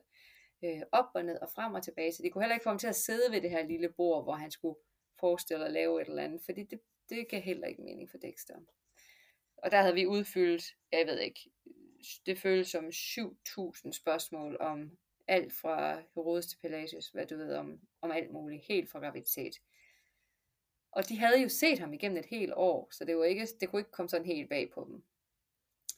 Så skulle øh, specialpædagogen ud og kigge på ham ude i institutionen, og der ville skabende, at de havde, øh, det var sådan lige corona-tid, tror jeg måske. Der var i hvert fald sygdom derude, så de var max presset, og Dexter han skulle være på en fremmed stue. Øh, så jeg ringer, jeg siger til dem ude i institutionen, det skal I ikke tænke på, jeg tager ham med hjem. Han, det skal I ikke, øh, og det var vist en god ting. Så ringede jeg til dem og sagde, det, det kan ikke blive i dag. Altså, så I må selv om, om I kommer hjem til mig og ser ham, eller om I vil finde en anden dag. Jamen, så kommer vi bare hjem til dig, siger hun så. Og det giver lige så fin mening. Altså, Dexter han reagerer rigtig kraftigt på, at de kommer ind. Han, han giver lyde, der viser, at han synes, det er ubehageligt. Der er nogen i hans hjem, som han ikke kender, og de vil gerne interagere med ham. Det har han ikke lyst til, men han får jo vist, hvordan hans hverdag er. Altså, fordi så sidder han jo bare i et hjørne med ryggen til dem og snorer med hans bolde, fordi det var det, der var inde lige på det tidspunkt. Så bliver der tændt for vaskemaskinen, og så er det den, der hitter. Øhm, så det kunne hun jo så skrive ned, og så kunne de køre tilbage til Skype. Og så skulle vi have svaret den 24. september, og det kan jeg huske helt præcis, fordi det er min ungers fødselsdag. Og så øh, ringer de en uge før og siger, at, øh, at jeg ikke kunne have med på konference, fordi der har været noget sygdom og noget. Så de er nødt til at udrykke, eller rykke, rykke det til slut oktober eller sådan et eller andet. Og der væltede min verden. Jeg har faktisk sådan været rimelig cool igennem alt det her, og sådan kunne... Det, der kunne jeg bare mærke, da jeg lagde på der, jeg tudede, og jeg tudede, og jeg tudede. Jeg kunne slet ikke overskue, og det var jo ikke, det var en måned mere, altså det gjorde hverken fra eller til. Det kunne jeg ikke. Jeg ringede til Jesper, og han troede jo, at der var nogen, der øh, som minimum var død, altså for jeg kunne ikke få sagt noget, og jeg kunne slet ikke. Det var bare som om, at alt det, jeg har gået med, det bræst lige der. For jeg havde simpelthen bare brug for, at vi var færdige med det her. At de kunne kigge på mig og sige, du ved, ja, din dreng er autist, værsgo. Og så kunne jeg komme videre med det her, i stedet for at gå i det her limboland, som jeg følte, vi havde været i fra hans fødsel. Så den, det, var, det var et slag for mig. Øhm, men da vi så kommer ind der i oktober, så, øh, så har de luret mig, hende, hende psykiateren, som har udredt Dexter, hun har vist holdt rigtig godt øje med mig igennem alt det her, fordi hun starter med at kigge på mig og sige, jeg kommer ikke til at fortælle dig noget, som du ikke allerede ved.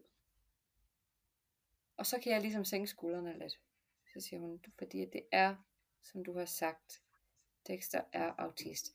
Og så, så venter de jo på, at der skal komme en eller anden kæmpe reaktion, og det er jo nok mest Jesper, der reagerer på det, for jeg, jeg bliver bare sådan helt lettet bliver helt vildt lettet over, at der er nogen, der ser det, jeg ser. At jeg ikke er skør. At jeg ikke er en dårlig mor. At jeg ikke har øh, været øh, dårlig til at give ham det, han har behov for. At det her, det, det er der en grund til.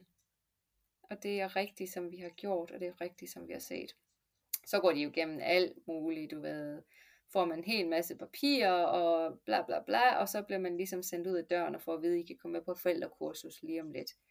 Og så fanger hun mig lige før vi går ud og siger, jeg vil egentlig gerne tilbyde dig, Jesper, to samtaler efter det her.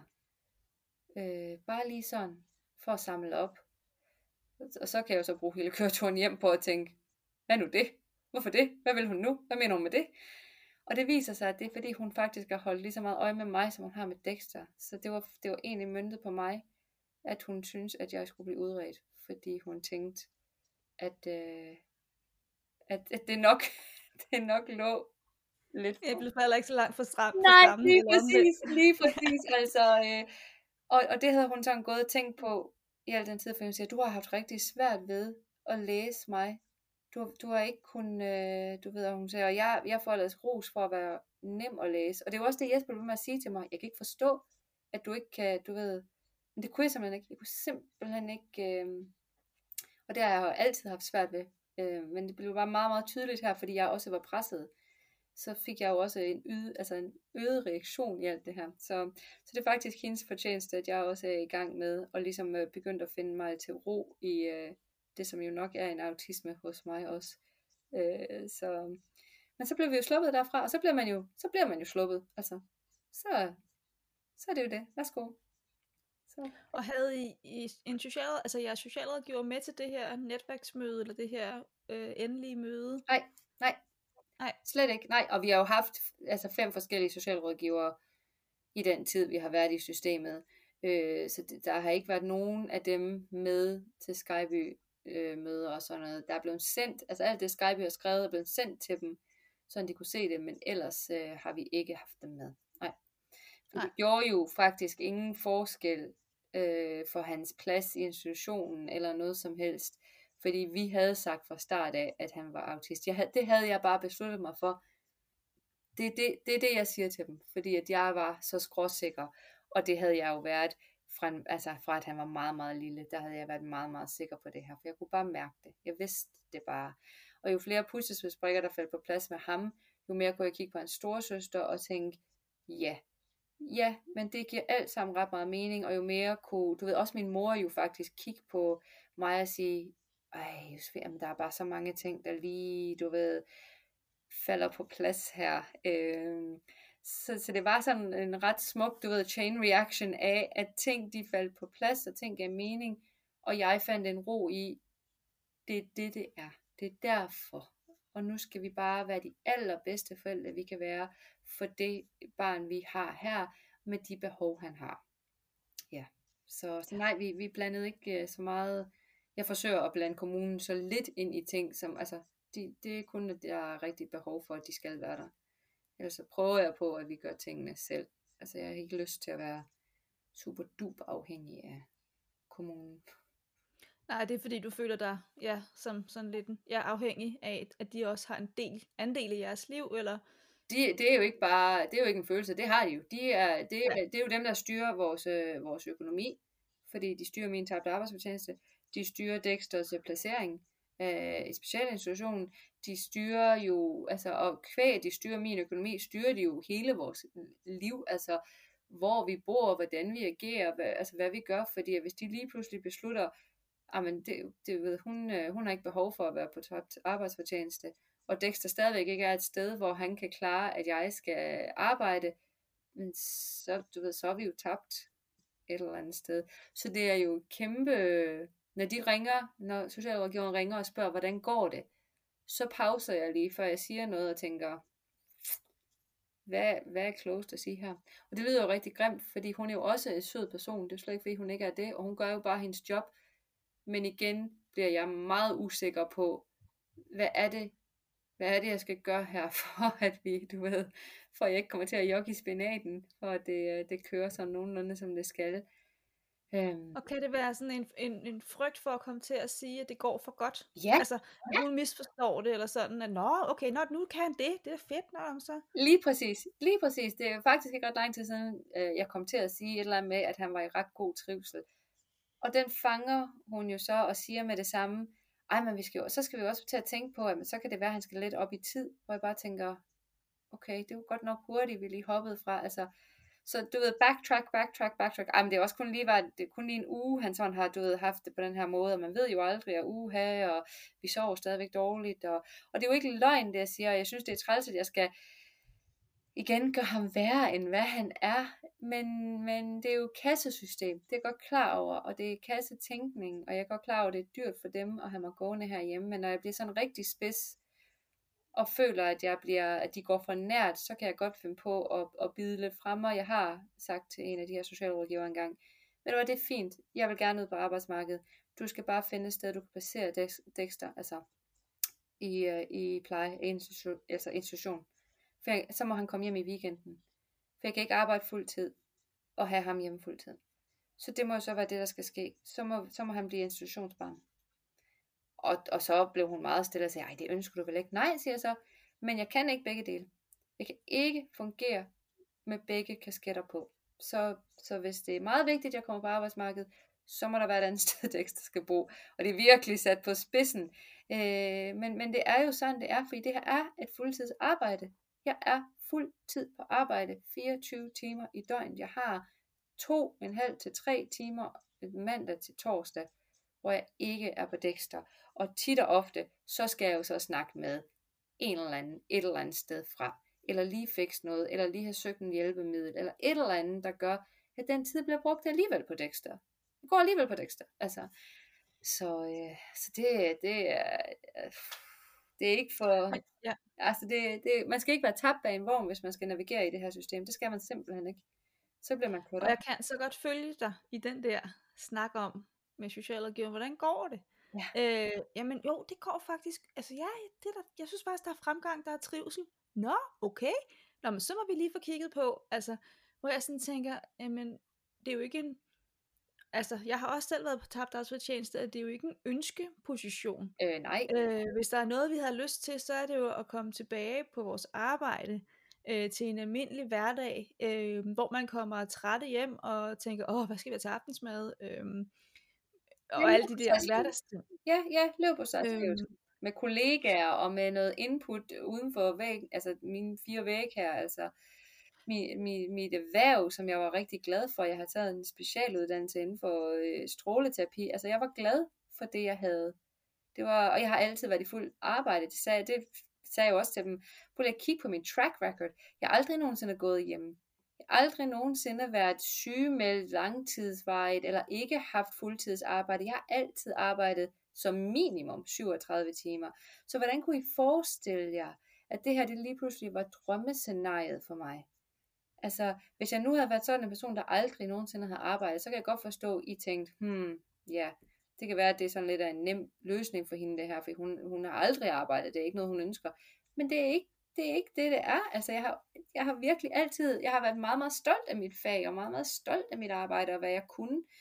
Øh, jeg er aktiv alle mulige mærkelige steder, fra zumba til løb, til børnenes atletik og svømning, og jeg skal komme efter dig. Jeg sidder på bestyrelses, øh, forældrebestyrelsen er formand for alt muligt. Jeg er en aktiv person. Det her, det er det sidste, jeg troede, jeg skulle. Virkelig, som i det aller sidste. Hvis du har sagt til mig, mens jeg gik gravid, du kommer til at gå hjemme de næste tre år, så havde jeg grint og sagt, det kommer aldrig til at ske. Jeg bliver sindssyg. Jeg, jeg er ikke engang god til at gå på barsel. Altså, jeg når at blive en lille smule crazy, før vi når endt barsel. Fordi jeg bare trænger til at komme ud og lave noget, som, som fylder min dag. Ja. Og det er jo det, hvor jeg sådan, åh, jeg vil bare sådan ønske, at der var lidt mere tillid til, at når vi følte, altså os forældre kan sige, nu tror jeg faktisk, jeg er klar. Mm. Øh, kan jeg komme få lov til at komme ned i tabt arbejdsfortjeneste? Eller få lov til, men altså... Ja, det kan man jeg godt. Vil gerne, jeg vil egentlig gerne sættes ned i det, for så kan jeg faktisk arbejde to formiddage om ugen, eller hvad ved jeg. Mm. Altså, at, at man at den mulighed var der, men også samtidig, hvis man så fandt ud af, at oh, det kan jeg faktisk ikke alligevel, for mit barn har faktisk alligevel brug for, at jeg er mere hjemme, så skruer vi op igen. Altså, at det var lidt mere smidigt systemet, ikke? så man kunne, altså, ja, giver det mening? Ja, det giver vild mening. Jeg har tit tænkt på, du ved, jeg kunne da godt tænke mig, hvis jeg kunne finde et eller andet, jeg kunne lave, øh, ja, som sagt, to formiddage i ugen, men jeg tør simpelthen ikke bede dem om at skrue ned for, for tabt arbejdsfortjeneste, fordi hvis han så reagerer på et eller andet, og vi er derude igen, hvor vi slet ikke får noget søvn, eller alting bare vælter, så er jeg ikke sikker på, at det er lige så nemt at skrue op igen, eller det er jeg faktisk rimelig sikker på, at det ikke er. Så det er jo hele tiden mig, der skal gå og afveje, hvornår er jeg 100% sikker på, at øh, selv hvis han skal vælte, at vi så godt stadigvæk kan holde til det her. Og hvornår er man sikker på det med et barn med autisme? Det kan jeg simpelthen ikke. Det ved jeg ikke. Jeg, det kan jeg ikke se, hvordan det er. For det er hver gang, jeg tror, at vi er et sted, og nu kører det sådan her, så, så, øh, du ved, så vågner man næste morgen, så er vi et helt andet sted. Jeg kan aldrig forudse det. Det er rigtig, rigtig svært. Du ved, og jeg havde, i starten var jeg meget sådan, når vi lige kommer hertil, eller når vi lige kommer hertil, eller når han lige kan det her, det er simpelthen holdt op med, fordi det holder aldrig stik. Der er altid et eller andet, der gør, at det ikke lige er det alligevel. Så, så det, det, er bare, det er simpelthen stoppet med at prøve på at, øh, at regne ud, hvornår det er. Lige nu siger min hjerne, øh, ej, men når han skal i skole, så... Men det kan jeg, altså, det ved jeg jo faktisk heller ikke en dyt om. Jeg ved ikke, om han nogensinde bliver en dreng, der kan holde til at være sted en hel dag. Eller en hel uge. Jeg ved det ikke. Altså, det, det er jo... Og det er rigtig svært for mig. Det er rigtig stor kontroltab ikke at have nogen som helst indflydelse. Der er det ikke noget, jeg hellere vil, end at kunne sige, ligesom jeg har gjort med de andre, nu bliver han så gammel, så kan han det her, nu bliver han så så gammel, så skal han i skole, så er han væk så lang tid, så skal han i SFO, du ved. Det vil være rigtig dejligt. Alting er bare uvis, og det er det hele tiden, og det er øh, shaky grundlag at stå på, og så er det rigtig svært, når man så oven i det, sådan hele tiden skal have for øje, at, man, øh, at det er nogle andre, der styrer det, som der ligesom skal være fundamentet for det her shaky grundlag. Altså det, det synes jeg, det, det er svært.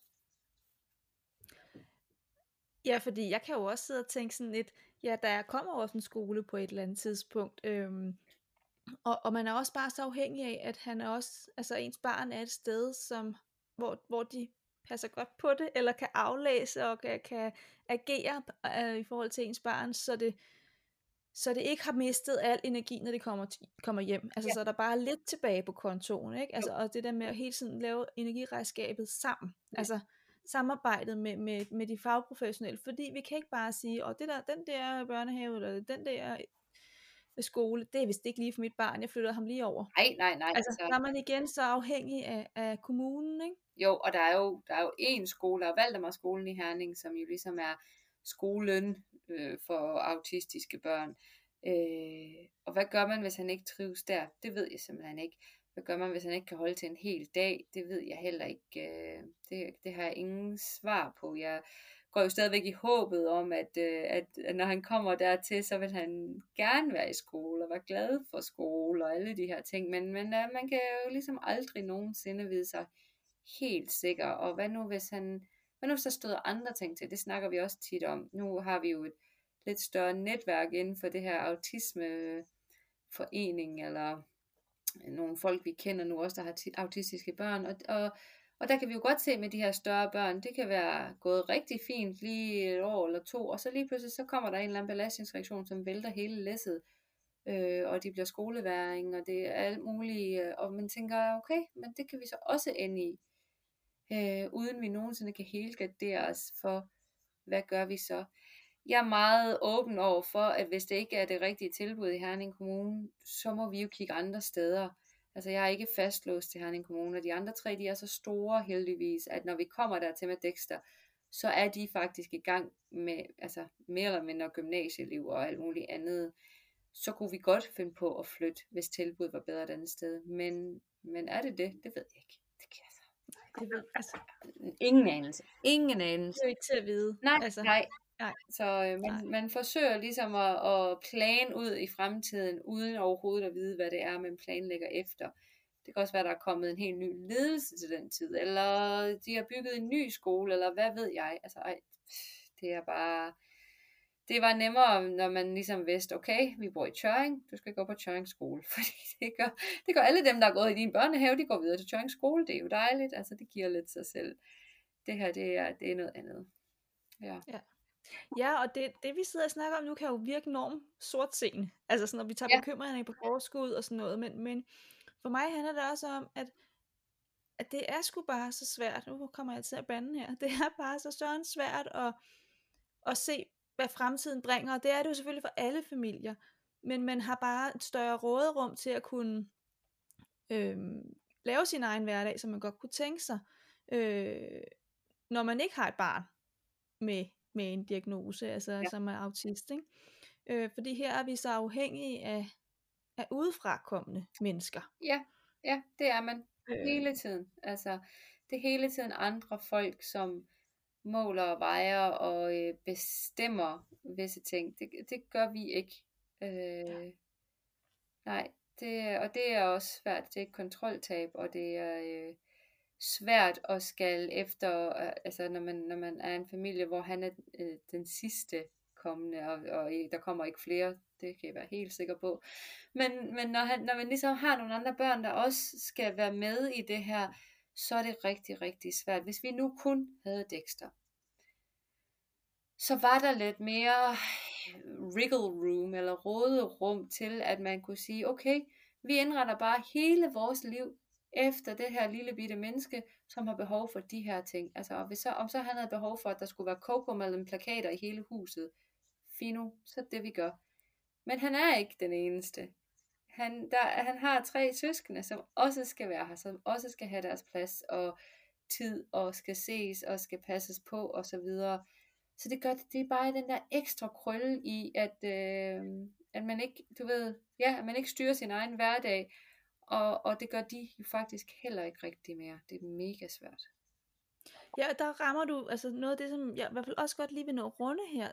Øhm, altså de der søskende. Ja. Fordi det ligger virkelig mit hjerte nært, fordi de står jo og ser på, hvordan mor og far bliver presset i hverdagen, og ser, hvordan øh, søskende agerer, øh, og måske er hårde ved dem, og altså, Ja. og, ja, ikke kan, man kan ikke det, man, man som forældre lover søskende, og tingene ændrer sig, og de skal bare være så omstillingsparate. Øhm, tiden. Hele tiden. De to største hjemme hos os, det er nok dem, der er blevet, øh, jeg ved ikke, om de er blevet hårdest ramt, men det er i hvert fald dem, der er mest synlige med. Fordi et, så havde de glædet sig til at få den her lillebror, de skulle elske, og Madison skulle babysitte, og alle de her ting, vi havde snakket om. Og, og så er de øh, helt, du ved, mainstream, neurotypiske, meget, meget dygtige og flittige børn. De går begge to på øh, talentskolen her i Herning med deres atletik. De er enormt pligtopfyldende, øh, søde og rare unge mennesker. I det Dexter kommer til verden, så bliver det lige pludselig sådan, at man, man jo faktisk ikke rigtig må gå på, på gulvet ved siden af, hvor han skal sove, når han endelig er faldet i søvn. Man må ikke øh, gå i bad eller børste sine tænder, fordi det larmer for meget. Man øh, kan ikke have venner over. Man kommer typisk hjem til et hus, der er tynget helt vildt af den her stemning. Og det var bare rigtig svært for dem. De var, de var med i en søskende gruppe i Herning Kommune. Det hjalp en lille smule. Og så, så snakkede de faktisk også både med øh, AKT på skolen og, og andre folk, ligesom for at få luftet noget af det her. Fordi det bare var tungt. Og jeg var trist, og Jesper var trist. Vi var aldrig afsted nogen steder sammen som familie. Vi var jo delt hele tiden, altid. En hjemme, typisk mig, og så, så skulle Jesper forsøge at udgøre hele den her familie. Og vi har været rigtig aktive. Jeg har været meget aktiv med mine børn, og lige pludselig var jeg nødt til hele tiden at sige nej til dem. Nej, det kan vi ikke. Eller nu er I nødt til at lige gå ind på værelset og lukke døren og være stille. Eller nej, vi kan ikke se en film i aften. Eller nej, vi kan, du ved, hele tiden. Jeg følte bare, at jeg sagde nej, nej, nej, nej, nej, nej, nej. Fordi at jeg skulle passe det her lille klump kød, som, som hang på mig som en koalabjørn. Sia, som har hendes egne udfordringer, hun lukkede fuldstændig ned for Dexter. Og hun er, hun, der er ikke ret langt fra det, hun tænker til det, hun siger. Så hun var meget klar i spyttet. Hun synes, det var det værste, der nogensinde var sket. Det var, at han var kommet. Han var træls på alle måder. Altså det første år, der var hun ikke på noget tidspunkt begejstret for ham. Han havde ødelagt alt det, hun havde. Og, og det følte hun virkelig. Altså, der var bare ikke noget godt ved det.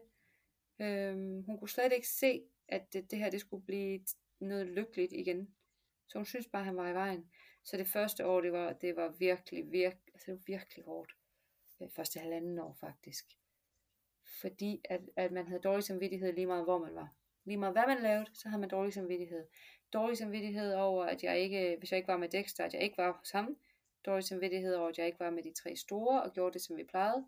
Dårlig samvittighed over, hvor lav sin kone jeg efterhånden var ved at være, fordi der var, det var da totalt nedprioriteret. Bare dårlig samvittighed. Og, og de to store især forsøgt rigtig, rigtig meget at, øhm, at please. Og sørge for, at vi var glade. Altså, der var jo ikke det, de ikke... At jeg kunne høre dem, når de kom hjem fra skole, hvis de så havde en kammerat med, så stod de jo derude og øh, sagde, når vi går ind ad døren, så må du ikke sige noget, og du må ikke røre ved ham, og du, må ikke, du skal ikke kigge på ham. Og hvis han sover, så skal du gå direkte ind på mit værelse og lukke døren, du ved. Altså, jeg, hvor jeg bare tænkt, Ej, øh, men er det det, det er blevet til? Det er simpelthen vores liv mm. nu. At mine søde, dejlige 13-årige børn står uden foran mit hoveddør og forklarer deres venner reglerne for at være hjemme hos os, du ved. Det var skrækkeligt. Altså, jeg følte, og det kan, jeg, det kan jeg faktisk godt sige, uden at føle sådan helt vildt skam over det, men der var flere gange, hvor jeg tænkte, det, vi skulle aldrig have gjort det her. Vi skulle aldrig, aldrig nogensinde have fået barn nummer 4. Fordi det har bare kostet os rigtig meget. Og det er så trods for, at man altså selvfølgelig aldrig kunne undvære ham nu, og elsker ham alt på jorden. Men kosten af at have fået ham, den har været rigtig, rigtig stor. Og tak for at, at, at sige det, Josefine, fordi det er jo en del af, af vores liv. Nu siger jeg vores, fordi sådan, altså jeg kan også sidde med de tanker, ikke? og har det også lidt, det, vi bliver også bare nødt til at sige det højt. Altså, ja. og det er jo ikke fordi, at vi ikke vil have vores barn. Altså, og det er jo ikke fordi, vi ikke elsker det, øh, men det har også en pris. Og nogle gange kan jeg i hvert fald også gen, altså jeg kan i hvert fald også kende det der med, har prisen været for høj? Eller, altså, Øhm, kan, kan vi, ja, som jeg, jeg nogle gange siger, altså må man ønske sit, sit barn til månen? Mm. Øhm, yeah. Altså, og sige bare bliv der. Ikke? Øh, og det, det er jo ikke fordi vi ikke elsker dem, og det er jo ikke fordi vi vil undvære dem for noget, men, men sådan kan det også føles at være forældre. Men vi sad jo og havde snakken, fordi Jesper var jo ikke helt ung, og det var jeg jo heller ikke, da vi besluttede os for, at, at vi gerne vil have det her barn nummer 4. Og der tog vi jo den der snak, jeg tænker, der er mange par, der tager, hvis vi finder ud af, at der er et eller andet, du ved, øh, handicap ved det her barn, der kan ses på en scanning, hvad gør vi så, hvad vil vi så? Og der var vi helt enige, at det, det, det, øh, det ville vi ikke, fordi vi havde tre andre børn, som, øh, som også skulle være her. Så det, det var ikke noget, og, det, og jeg hatten af for alle, der har og gør, og selvfølgelig elsker man sine børn, men det var, det var vores valg, at det vil vi sige nej tak til. Og så får vi et barn med et handicap, som ikke kan ses på en scanning. Altså, det er jo der, den ligger. Og lige så snart, man ved jo godt, lige så snart man er gravid, lige så snart man tisser på den pind, og der er to streger, så kan det ikke være anderledes. Så har man det barn, så elsker man det barn. Men hvis der var nogen, der havde sagt til mig, tre måneder før vi besluttede os for, at vi skulle prøve at se, om vi kunne blive gravid, det her, det bliver, hvad I får, det her, det bliver jeres hverdag, så hånden på hjertet, så havde vi nok ikke gjort det. Jeg tror ikke, vi havde, øh, tror ikke, vi havde taget det valg og gjort det. Og det, det, øh, nu kan man jo ikke forestille sig et liv uden Dexter, for nu er det vores hverdag. Men, men nej, så, øh, så havde vi, så havde vi øh, beholdt det, vi havde på, hvis man kan sige det på den måde. For det var vi jo lykkelige for. Vi, vi, vi havde det godt. Altså, nu har vi det godt på en anden måde, men vi havde det altså også godt før. Ja. Det, øh, ja, og det er mega tabu at tale om. Det er det bare. Det, det ved Det er mega tabu. Ja, og jeg kan godt forstå, at der også er folk, der bliver stødt over, at man kan finde på at sige det. Men, men det er altså sagt med alt kærlighed. Også til Dexter, men, men ja. også til de tre store, som har, øh, som har nok været dem, der har betalt den højeste pris for det her. Ja. Og som var jo mit og Jespers projekt. Det var ikke sådan, de kom og sagde, ej, skal vi ikke, skal vi ikke lige have en mere? Kom, lad os gøre det. Det var jo vores projekt, ikke? Ja. Ja. ja. Så Ja. ja, men tak for at, at, at tage en tur i denne her tabermanege her. Fordi Ja. det, det jeg, at, at øh, ja, der er måske nogen, der føler sig stødt af, at, at vi begge to kan finde på at sige sådan. Øhm, men, men det er sådan, det også kan føles. Og så er det jo ikke, fordi vi ikke kan lide vores børn. Nej, Altså, og, og det- det er jo han er, jo, han er jo helt vildt fantastisk. Han kan jo de mest fantastiske ting, og jo ældre han bliver, jo mere jeg lærer om ham og mig selv og så videre, så, så kan jeg jo godt se, han, han skal nok han skal nok få det godt. Vi skal nok få det godt. Øh, det bliver ikke det liv, man sådan regnede med øh, for sit barn, men han skal nok finde sig til rette, fordi han har en helt exceptionel hjerne, der kan nogle helt magiske ting. Og hvis han får det rigtige støtte og de rigtige rammer, så bliver Novo Nordisk rigtig glad for ham en dag, tænker jeg. Du ved, eller et eller andet nørdet sted, hvor han kan sidde og, og nørde i det, han nu lige har interesse for. Øh, så, så det skal nok blive godt, men det var rigtig svært at se de første halvanden år. Øh, der tænkte jeg bare, hvad bliver det her til? Hvad er det, hvad er det vi har gang i her? Hvor er det, vi er på vej hen? Det hjælper lige så stille med alder. Altså, så kan man lidt bedre ja, se, se en fremtid i det. Men det er da svært som forældre at kigge på ens barn og tænke, er der overhovedet en fremtid i det her? Altså, eller kommer han til at bo i vores kælder, indtil han er 56? Det, sådan hånden på hjertet, så er det lidt svært at sluge. Og, og især når man, øh, når man har en forestilling om, og det havde vi, en meget klar forestilling om, at vi fik barn nummer 4, der lignede barn nummer 1, 2, 3. Ja. Ja. Og selv, selv træeren, som, som har hendes at slås med, så har hun stadigvæk været et, et nemmere barn end Dexter. Ja. Så. Tak, Josefine. Har, her på falderæbet har du en, et, et, et godt råd til, til andre forældre, som står der og skal... Nu er hovedoverskriften for det her, den her episode jo udredning, så en Ja. tidlig udredning, til, som står der og som skal måske i gang med noget udredning, altså s- hvor, som I også, altså, hvor I også stod øh, dengang. Ja, Altså, ja. Øh, altså, ja, mit allerbedste råd, det er, at man skal, øh, man skal stole på sig selv.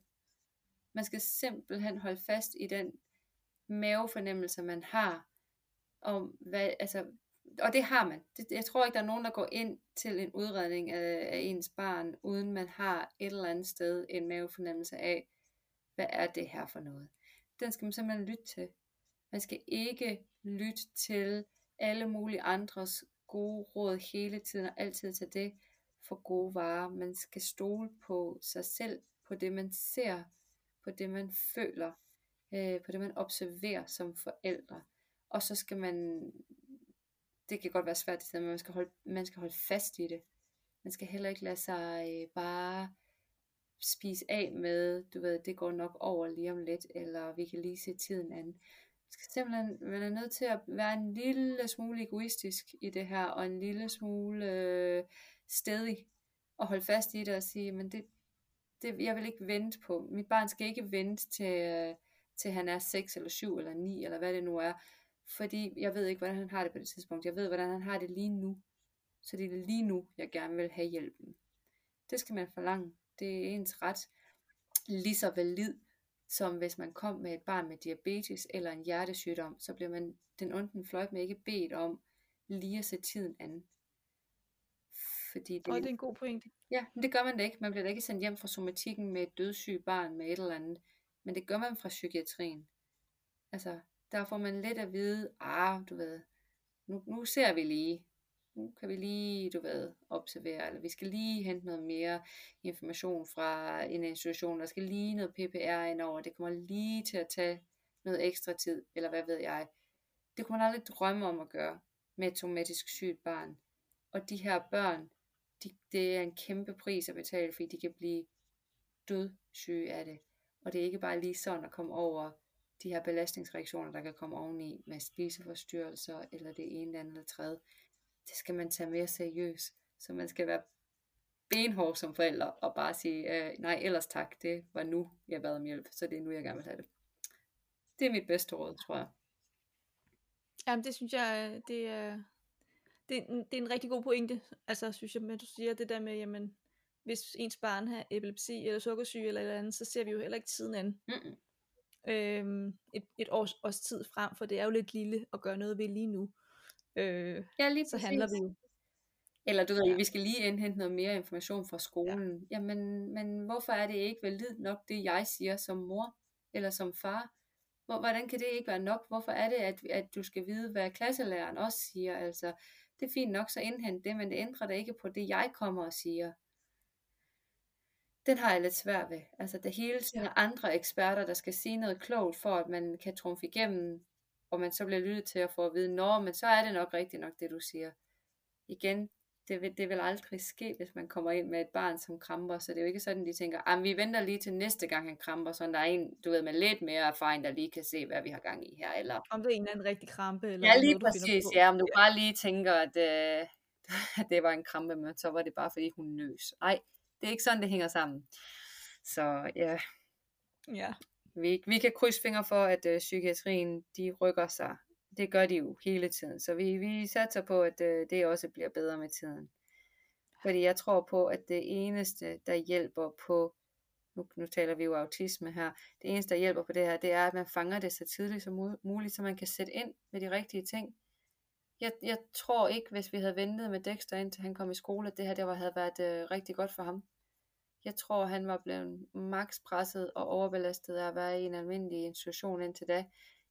Jeg tror, jeg havde knækket halsen på øh, ikke at kunne sende et barn afsted. Altså, vi havde været et værre sted, hvis ikke vi havde stået fast i, at vi skulle have hjælp, og det skulle vi nu.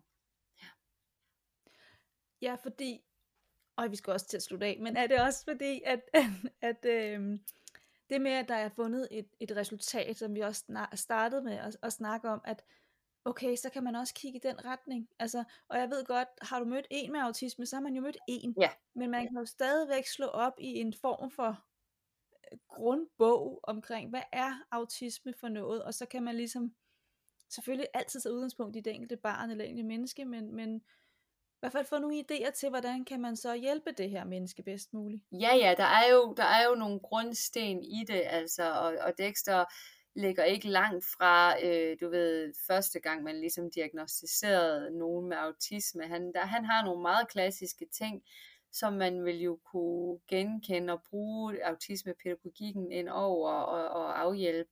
Så det hjælper jo, at vi ligesom ved, hvad det er, så man også øh, og også bare det der med, at jeg kan, du ved, man kan sætte ord på det til andre mennesker. Det er, det er fordi Dexter er autist, og så er den ikke længere. Så behøver vi ikke diskutere det ret meget, og så vil det altid være, du ved, 90% af folk siger, ej, men det kan man da ikke vide så tidligt. Det siger Skyby, det er simpelthen mit svar. Det sagde Skyby, han er diagnostiseret, bum, færdig, lukket. Jeg gider ikke diskutere det med folk. Jeg synes, det er fuldstændig åndssvagt, fordi igen, havde jeg sagt, Dexter har diabetes, så er der ingen mennesker, der har sagt til mig, det kan man ikke vide så tidligt. Øh, men jo, det kan man godt. Så det er altid ligesom et go-to. Det sagde Skyby. Lukket, lukket. og så tager vi den ikke længere, så hej, vi skal have, vi skal have dem hjulpet tidligt. så de ikke behøver at gå igennem alle de nederlag senere hen i livet. Øh, jeg kunne godt have, have brugt at vide det, så jeg kunne have undgået rigtig mange belastningsreaktioner. Det havde været rart. Men øh, ja. Mm. Har du, har du mere på falderæbet, du sådan lige må af med? Eller? Nej, jeg tror, jeg tror, det var det. Øh, jeg kan jo snakke i uendelighed om det her. Øh, vi bliver jo, vi bliver jo som autister øh, grebet af ting og får særinteresser, og nu, nu er det her så blevet min. så jeg læser tykke bøger og nørder meget i det. Så nej, man skal endelig bare stoppe mig, ellers så snakker jeg jo indtil folk de bliver rigtig trætte af mig. Så jeg tænker, øh, det var vist det. Det var i hvert fald Dexters ja. udredningshistorie. Ja. ja, men jeg vil bare sige tusind tak, fordi du havde lyst til at være med, og fordi du havde lyst til at, at, at dele øh, jeres historie og, og, og dine tanker omkring det her øh, med at have et barn, som er autist, øh, og, og, og vejen dertil. Øh, tusind tak for det, Josefine. Velbekomme, tak fordi jeg må være med. Jeg, øh, det har været en øh, fornøjelse, så ja, det er mig, der takker. Det var besøg af Josefine, som så fint fortalte omkring hendes søns tidlige udredning. Og har du også et barn, som næsten lige er blevet udredt, og ved du ikke helt, hvad er vejen så frem i forhold til at få mere viden omkring, hvad autisme egentlig er, hvordan du håndterer det, og hvordan du møder dit barn bedst muligt, så har jeg lavet noget, der hedder Autismehjælpspakken, som kan forberede dig på, hvad er næste skridt i forhold til, hvordan bruger du blandt andet piktogrammer. Hvordan passer du på søskende? Hvordan passer du også på dig selv og dit parforhold? Hvordan får du egentlig hverdagen til at fungere bedst muligt med dit nyudredte barn? Har du lyst til at kigge nærmere på Autismehjælpspakken, så lægger jeg et link hernede i noterne under episoden. Og du kan også kigge inde på min hjemmeside, som hedder familierådgivning med hjertet.dk, hvor du kan læse mere om, hvad den indeholder. Og nu kommer dagens citat.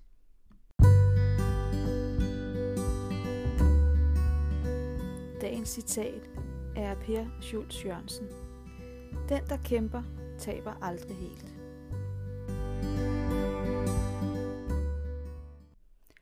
Og så er der bare at sige tak for i dag, og tak fordi du lyttede med. Hej.